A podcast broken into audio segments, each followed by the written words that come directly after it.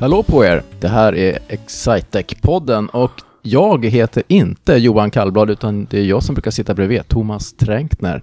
Vi befinner oss faktiskt, det här är på mitt kontor i Linköping, lite spontant så här. Johan är med mig han sitter ja, mitt emot. Jag är faktiskt med. Jag, jag känner för, för den där Hej och välkomna till Excitec-podden-intron som jag brukar dra på. Den är ju inte förinspelad. Det kanske någon som lyssnar på det tror att, den är, att det är samma varje gång, men det är faktiskt inte det. Utan jag eh, försöker säga ungefär samma sak, men med lite andra ord. Som inled, du vet inledningen. Ja, precis. Jag tror att det här är någonstans kring avsnitt 51 eller så. Ja, Alltså jag är Ja. så imponerad över din energi och faktiskt att du, du verkligen prioriterar det här bland allt annat. Vi pratade om det lite innan här också. Din eh, fu- fulla agenda, även en sån här dag mitt i påskveckan. ja det, det är mycket. Jag tror vi är, vi är förvånansvärt nog en ganska säsongsbetonad verksamhet. I alla fall är, är mitt liv lite säsongsbetonat och det känns som det så i hela verksamheten. För att det blir ofta lite långsamt. Eh, det blir långsamt efter jul ett tag i januari, februari. Det är väl många av våra kunder som håller på med kanske bokslutsarbete och sånt där. Och sen blir det också gärna lite långsamt efter, eh, efter sommaren. Och det är väl inte så konstigt för folk kommer tillbaka från semestrar vid olika tider. Så att jag, jag, men sen så på något sätt, och varje år så tänker man att ja, men januari blir lite långsamt och sen kommer det väl igång. Men, men det är trögare än så. Så, det, så vår eh, hysteriska högtempo, det kom nog inte igång förrän eh, i slutet på mars Ja. kanske. Men det, i det här avsnittet, och då ska vi faktiskt prata om eh, en, eh, en sak som du gjorde för ett par veckor sedan. När vi spelar in det här så är det ju den 16 april, men för ungefär två veckor sedan så var du uppe i Stockholm och drog en grej för en massa människor och du blev så imponerad, överväldigad över den responsen du fick. Och det var det jag tänkte att du skulle få berätta om. Vad var det som hände? Vad- Just vad det. var det du gjorde för Ja, någonting? Och ja, varför? men jag, jag blev faktiskt det. Jag har aldrig fått så mycket, eh, liksom, så mycket positiv feedback. Så här, det var, så här var det. Jag var, vi var, det berättade vi om gång tidigare när jag, jag hade Mats på besök här i Excitec-podden. Och då, Mats Stegeman och då berättade vi att vi var nominerade till ett pris som heter, eh, jag tror den heter Power to the People, Power by the People. Eh, Power som- by people. Power by People. Som, som är, det är medarbetarundersökningsföretaget Brilliant som gör, de är ganska stora på det här med medarbetarundersökningar och de, de undersöker en kombination av medarbetarengagemang, eh, sådana employee net promoter score, alltså hur troligt är det att du skulle rekommendera din arbetsgivare till en vän, eh, hur, hur, vilken poäng man får på det och lite, lite frågor om ledarskap. De sätter ihop ett index och så har de gjort en eh, prisceremoni där de eh, uppmärksammar de företagen som har fått eh, allra bäst resultat i deras sådana undersökningar. Och vi var, förra året så var vi topp 10 i deras undersökning och i år så var vi topp 3 fick vi reda på. När man var topp 3 så fick man komma till Berns salonger i Stockholm, väldigt fint för övrigt på Berns. Man fick komma till Berns och var med på en prisceremoni och så vidare, men man visste inte vem som hade vunnit. Men jag blev tillfrågad då, eller jag kan avslöja som, som direkt här att vi vann inte, vi kom tvåa. Men vi kom tvåa av alla företag de hade gjort eh, undersökning på. 100, då. 115 företag läser jag här på er presslist. Ja, okej, ja. Vi, kom, eh, ja, vi, kom, vi var på andra plats där, så det, var, det kändes eh, eh, det var jätteroligt. Men eh, det hade varit ännu roligare att vinna. Men det som var roligt, det som, det som egentligen var roligt för mig där, jag ser du sitter och tittar på, på bilden här, den finns väl in på vår My Newsdesk och på vår webb antagligen. Det är en bild på mig där jag ser väldigt glad ut. Jag Verkligen. eh, blev ombedd att föreläsa om företagskultur och vikten och även en VDs perspektiv på det här med medarbetarundersökningar och sånt. För det var väldigt mycket HR-chefer, alltså personalchefer och sånt i, Mm.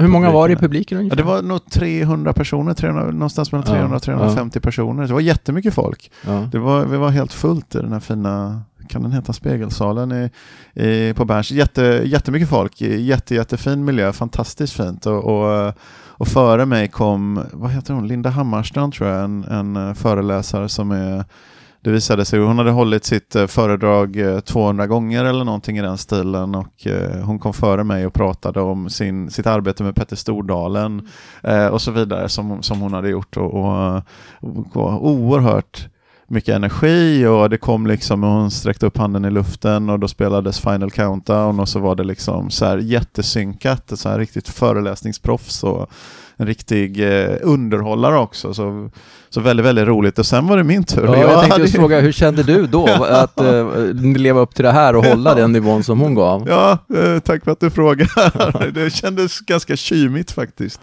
kan jag säga. Jag, jag blev ganska nervös. Eh, Brukar du bli det ibland? När du ja, står? jag blir det ibland. Men det som... Eh, jag blev ganska nervös, men så kan jag, jag, liksom, jag har en grundläggande rätt retorisk skolning tror jag. Så jag, jag, jag, vet så här mycket vet jag att försök inte, om du kommer någon med väldigt hög energi, försök inte överträffa det utan ta ner tempot istället. Så försök byta lite tempo från för och bygg, bygg långsamt och försök eh, eh om, om någon har väldigt mycket businessinnehåll så kan du försöka vara personlig istället och så vidare. Så att jag, jag faktiskt fick tänka om i några några saker för att hantera det rent eh, retoriskt. Men det roliga var att jag hade då, jag gick upp och så sa jag, berättade för den här publiken att jag att det var, alltså för Linda hade sagt att hon eh, drog, hade kört det här 200 gånger och så vidare, väldigt otroligt imponerande. Eh, och då sa jag att ja, jag har bara gjort det en gång innan och den gången jag, den gången jag gjort den här dragningen innan, det var igår kväll för min 17-åriga dotter.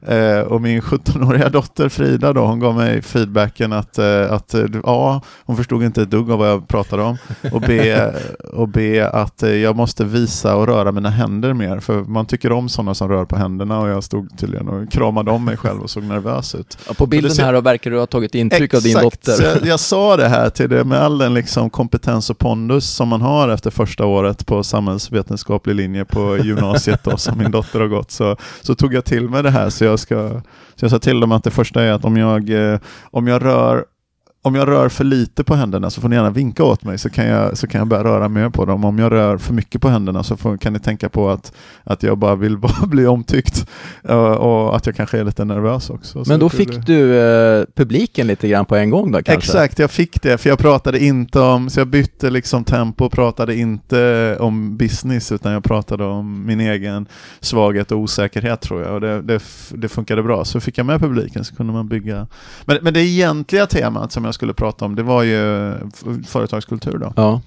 Så det, det och det, det, vet ju du, vi har ju pratat om det här. Det är ju ett ämne som ligger eh, som ligger varmt om hjärtat kan man väl säga. Ja, det gör det väl. Men, men framförallt så fick jag, jag hade ju en sån här i mitt, i mitt företagarliv eller i mitt, i mitt arbetsliv eller min karriär, vad man vill kalla det för, så hade jag ju en uh, kulturuppenbarelse som hände för mig ungefär 2011, 2012 någon gång. Mm. 2013 kanske, så det var, det var mer än fem det var ganska länge sedan. Men, men eh, den är inte längre sedan än att jag minns det. Och jag minns hur jag var innan, för jag trodde att man, kunde, att man byggde framgångsrikt företagande på eh, bra försäljning och eh, noggrannhet. Och noggrannhet för mig är både ordning och reda och kostnadskontroll och vad, att hantera kunderna rätt och så vidare. Noggrannhet egentligen är ett sånt ord. Och noggrannhet tror jag fortfarande på, även om jag kanske har blivit lite mer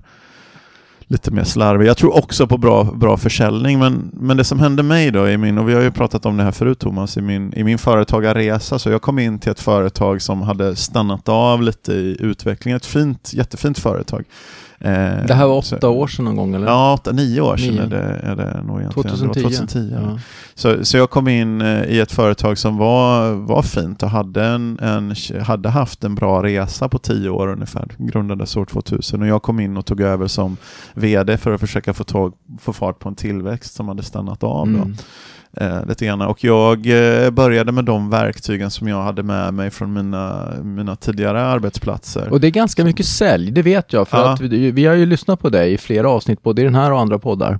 Ja, exakt. Så, så jag kom in med ganska mycket sälj och jag tyckte att, och det, det är liksom kanske också modet att våga eh, driva försäljning, våga tro att man har någonting att komma med och så vidare. Och det var min, jag brukade alltid se mig själv som en en person som på något sätt kan få igång en säljorganisation och kan få igång eh, försäljning och så vidare. Jag trodde att det var det jag var. Jag trodde att det var det som var min, liksom, eh, min eh, kärna. Jag ska knyta ihop det här sen då. Men, men, men så det var så jag gjorde. Jag började komma in, försökte jobba med säljet, jobba med rekrytering, jobba med noggrannhet, inte lägga pengar på fel saker och driva. Och det var väl okej, okay, liksom. vi växte väl några procent och, och, och sådär. Vi växte från kanske 30 till 33 till 36 miljoner eller något sånt där i omsättning på några år. Men det var ju inte den utvecklingen som jag hade tänkt mig. Utan jag hade och framförallt inte den vi... utveckling som är just nu. Nej, det är det inte. Utan jag, men det var så här att det var, någon kom in och sen lämnade någon och sen kom någon annan in och sen lämnade, så var det två steg framåt, ett steg tillbaka och lite hattigt och snurra runt och hitta ingen, ingen kärna egentligen. Så, så efter ett tag så, så eh, insåg jag, jag tror andra runt omkring mig hade, hade insett det här tidigare, men, men jag var lite jag var nog lite omogen i det där, för jag, jag tyckte jag har de här verktygen, det är så här man gör. Man, liksom, man träffar mer kunder oftare, anställer mer, gör intervjuer, lägger inte pengar på något onödigt och så kör man bara industriellt.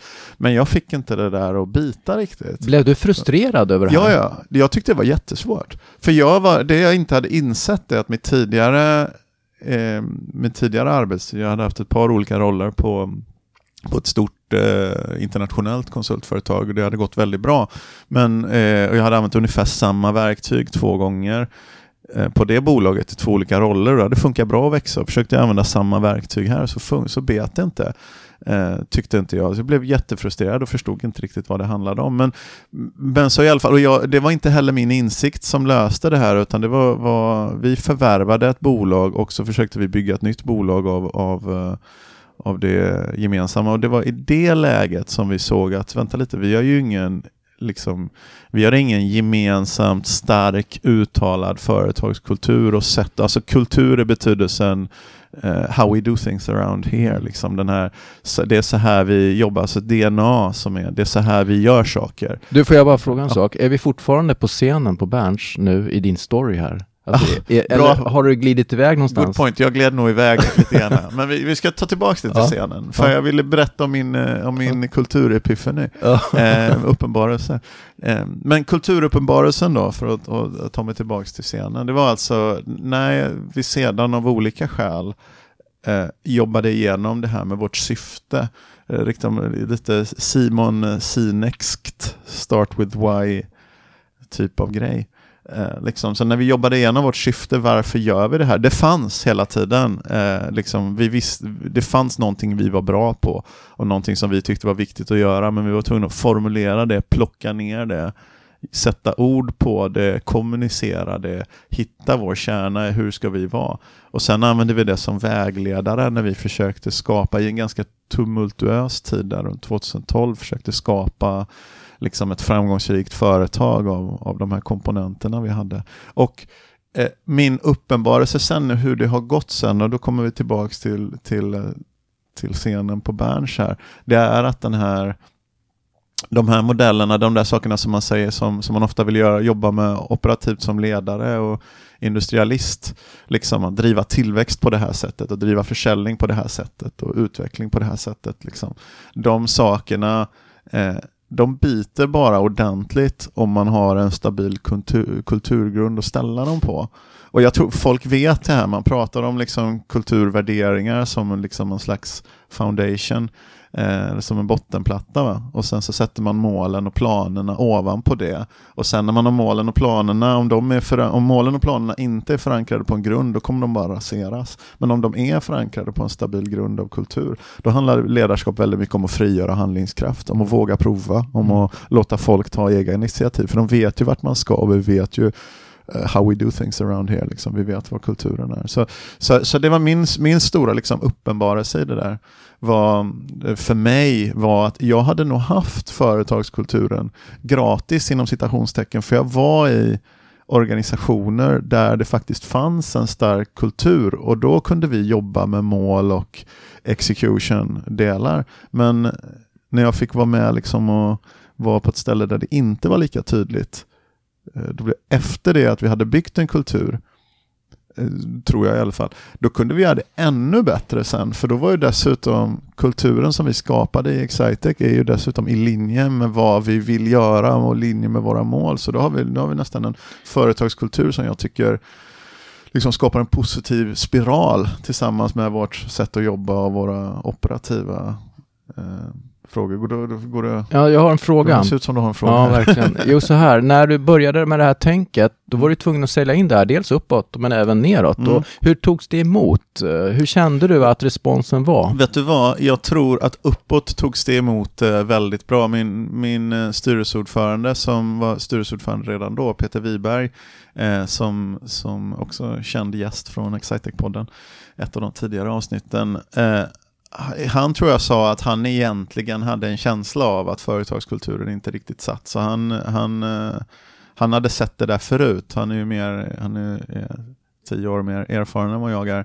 Så han hade nog sett det där förut, men det är inte riktigt hans jobb att säga till mig som vd exakt vad jag ska prioritera. Han kan ju komma med tips. Och Du menar typ så här att det var på tiden att det kom upp Kan- på bordet? Kanske lite så, ja. Ja. Det, det tror jag faktiskt. Ja. Eh, att, eh, jag, jag tror faktiskt att Peter tyckte det, så det, för det gick väldigt lätt att förankra det uppåt. Och det, det kan man ju ha svårt med kan jag tro. En del tror att det är flum det där och att det är bara att man ska bara köra på på något sätt. Men, det är därför jag ställer frågan, för jag tror att det är många Mm. ägare och eh, ja, styrelseordförande som kanske tänker så att det här tar Ja. massa tid och vi tappar tempo i lönsamhet, och- vilket kanske är... eh, vil- vilket man gör. Ja. då. För det är en sak istället för, för den tiden du lägger på att försöka definiera vilka är vi egentligen och vad ska vi vara för vem. Det är ju tid du hade kunnat lägga på att träffa kunder. Ja. Och, och oftast, det finns ju ingen motsättning mellan att träffa kunder och att liksom utveckla ett företag framgångsrikt. Så, så, att, så att, men det är ibland som man måste ta, och man är också rädd tror jag för att, jag brukar säga, använda uttrycket att fastna i vallaboden.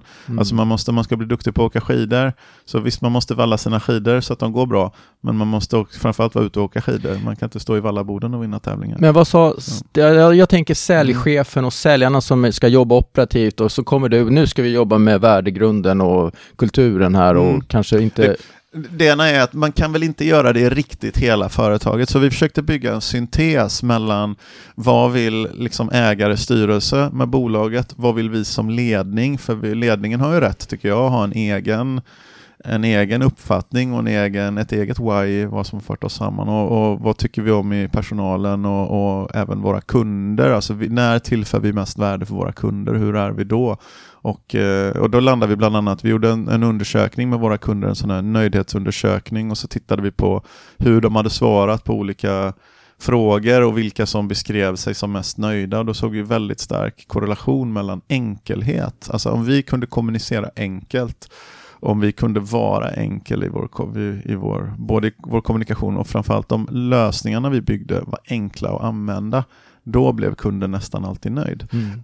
Även om, alltså det var två saker, att hålla våra löften, eh, om leveranstid framförallt. Leveranstid var viktigare än budget, men att hålla leveranstidslöftet och att eh, det vi levererade var enkelt att använda och att vi var enkla att ha att göra med. Om, om vi hade varit sådana, då, då blev kunden nöjd med resultatet av vårt arbete och kunde tänka oss att rekommendera oss. Det fina med det här sen, om vi ska jo jobba oss lite framåt i din, Mm. eh, när vi tänker oss att jag är de, de, den som lyssnar på dig på scenen, det var ju faktiskt att säljet kom sen, Ja. Eh, tillväxten kom. Ja, absolut. Så det var, och det var nog därför som jag fick stå på scenen där egentligen. Ja. För sen så kom tillväxten och vi gjorde det här eh, vi hade en, en fantastisk härlig resa och det allra härligaste är att den, att den fortsatte. Vi, jag vet, vi var 2012, då omsatte vi, jag tror det var 55 miljoner och sen året efter det 75 och sen Gick det så vi pass till- snabbt ändå? Ja, men det var där, precis i början så var det ju, när vi gick från 30, 35 till 55, det var ju i samband med att vi gjorde ett företagsförvärv, så det Ja, blev en större ja, verksamhet. ja, vi, vi omsatte bra med pengar, men vi förlorade också en hel del pengar. Vi gjorde ett minusresultat på 3-4 miljoner kronor. Eh, och det, Eh, det är också en stark rekommendation till alla företagare där ute. Tjäna pengar i verksamheten, det är mycket enklare då. Du får mycket mer handlingsfrihet. Men, men vi gjorde de här 75 då handlade det ganska mycket när vi kom dit om att vi fick ordning på den här sammanslagningen. Men sen, sen körde vi vidare. Sen omsatte vi 95 året efter det. Sen omsatte vi 110, 115. Sen var vi uppe på 125, sen 135. 100, liksom, och nu vet jag förra året, 2018, och jag har precis skickat in den så det är väl officiellt eh, nu, senaste årsredovisningen, vi omsatte 178 miljoner eh, under 2018 på, på helåret. Då. Eh, nu har vi gjort om från brutet räkenskapsår till helår. Så när ni går in på alla bolag kommer det stå 250 men det stämmer inte. Det var 178 var, var Okej. helåret. Ehm, Hur gick det Men- med personalomsättningen under Ja, den här perioden? det, det var ju först i början Eh, som, som är det härliga med våran resa där, att det fortsatte liksom sen när vi, det fortsatte, jag vill inte säga av sig själv, men det är inte svårare att vara vd nu än vad det var då. Det var nog faktiskt svårare då. Det är nog faktiskt lite enklare nu, för vi har den här kulturvägledaren som gör att vi vet vad det här är ett exciting sätt att göra saker och ting på, och det här är inte det. Så, så vet vi det. Eh, personalomsättningen först i, eh, i början, direkt i början, blev den väldigt hög. Eh, precis i början, för vi var ju tvungna att eh, det var väl så att en del personer inte trivdes med det vi sa att vi skulle vara. Så att, så att första året där efter att vi gjorde de här så var personalomsättningen högre än vad den varit innan. Men sen så gick det ner och kom ner på väldigt behagliga nivåer. Eh, nu har faktiskt personalomsättningen varit lite högre senaste året eh, senaste ett och ett halvt åren igen. Men det är nog lite grann beroende på att det är en väldigt, väldigt tryck på det i eh, vår industri. IT-industrin har en otrolig kompetens eh, brist alltså, så det är en jätteefterfrågan på... Du, du som hör här, eh, nu måste jag, jag hade en, en, en, vinkel här, var, du som hör här, gå in på förra avsnittet och lyssna på Johans intervju med Klara Granat. För där i slutet har du en intressant utläggning om det här med att eh, köpa företag och eh, att man inte kan vara vän med alla. Utan en del trivs och en del trivs inte ja, och det finns en bra sak i det. Klara ställde en klurig fråga där faktiskt. Den började enkelt och blev väldigt, för gjorde en twist på slutet. Mm. Jag har inte lyssnat på det här avsnittet. Nej, och jag har faktiskt rekommenderat dig att göra ja, det. För det, det var riktigt bra, profilera sätt ska jag säga. Ja, det var kul. Eh, åter. Ja. Eh, det var åter ja. vi, vi lämnar scenen, jag trillar av scenen eh, i Berns hela tiden. Men vi hade då den här fina resan egentligen i, i med en bra utveckling efter att vi gjorde det här jobbiga internarbetet. Det, jag tror nyckeln är det, alltså man måste ju driva operations samtidigt. Man kan inte stoppa verksamheten och säga nu ska vi jobba med kultur, utan man måste vara men jag tror man måste vara ganska äkta med sig själv när man jobbar med kulturfrågor, annars är det meningslöst. Utan man måste liksom göra det utifrån en genuin vilja, som vi hade sett. Vi får inte tillväxten att bita, vi måste göra någonting här. Vår ansträngning, vi får inte tillbaks. Vi tyckte faktiskt vi hade stolpe ut ganska mycket, att vi nästan fick till grejer, men, men eh, vi vill inte ha det så. Vi, vi vill liksom få stolpe in och få att saker, eh, positiva spiraler åt rätt håll. Liksom. Så, så man måste ha en genuin vilja och så måste man driva operations När du kom in i företaget 2010 så kom ju du med mycket säljtänk och nu ska vi bygga här. Men det blev ju mycket, mycket HR-tänk och mycket personaltänk. Hur ut, alltså svängde, tyckte du att det var kul? Jag menar, du, du, du tyckte uppenbarligen att sälj var roligt och mm. bygga mm. var roligt, men det här, att bygga kultur, var det, utvecklades du utav det och såg det, det som en drivkraft? Det är också en svår fråga Thomas, men så här, under tiden då så tyckte jag nog att det var mest frustrerande. Nu i efterhand, ja, jag skulle vilja vara en lite bättre människa där. Men, men nu i efterhand så, så tycker jag att det var mer utvecklande än att göra samma sak som jag redan har gjort. Och jag känner en väldigt stor trygghet kring de, här, kring de här frågorna. Min lärdom för mig själv, det hade man ju kunnat läsa i böcker. Vet, nu ser man ju det, oj vänta lite här, det står visst på första, första kapitlet i alla böckerna om hur du driver tillväxt via sälj, det handlar om att du måste ha kultur först. Så att alla är, jag vet att det står det, men det är inte så rackarns lätt att att liksom ta till sig någonting man läser om det inte ger resonans i ens egna erfarenheter. Så för min erfarenhet var ju noggrannhet och och execution liksom. Ja, och, ja. Och, och, sälj, det är det som driver tillväxt.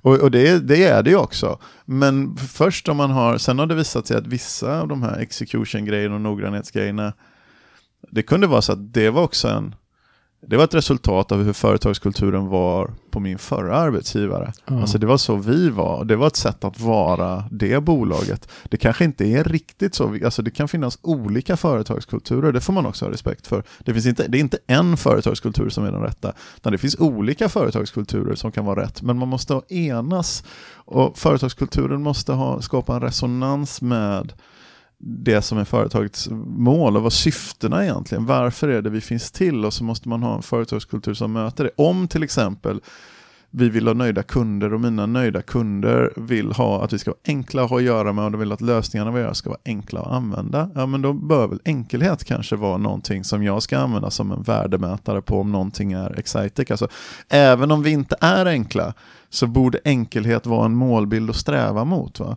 Så Mm. att kulturen är ju en syntes av vad vi verkligen är och vad vi borde vara egentligen. Eh, Jag gillar inte sådana här kulturord av karaktären integritet. Alltså jag, jag gillar, ordet integritet är ju, det är ju ett väldigt fint ord. Det är ju inte speciellt kontroversiellt. De flesta, de flesta är väl för integritet, men svårigheten är att vad betyder det egentligen? Vilka ord gillar du då? Jag gillar enkelhet. Ja, Eh, jag gillar affärsmässighet. Jag gillar glädje och jag gillar framåtanda.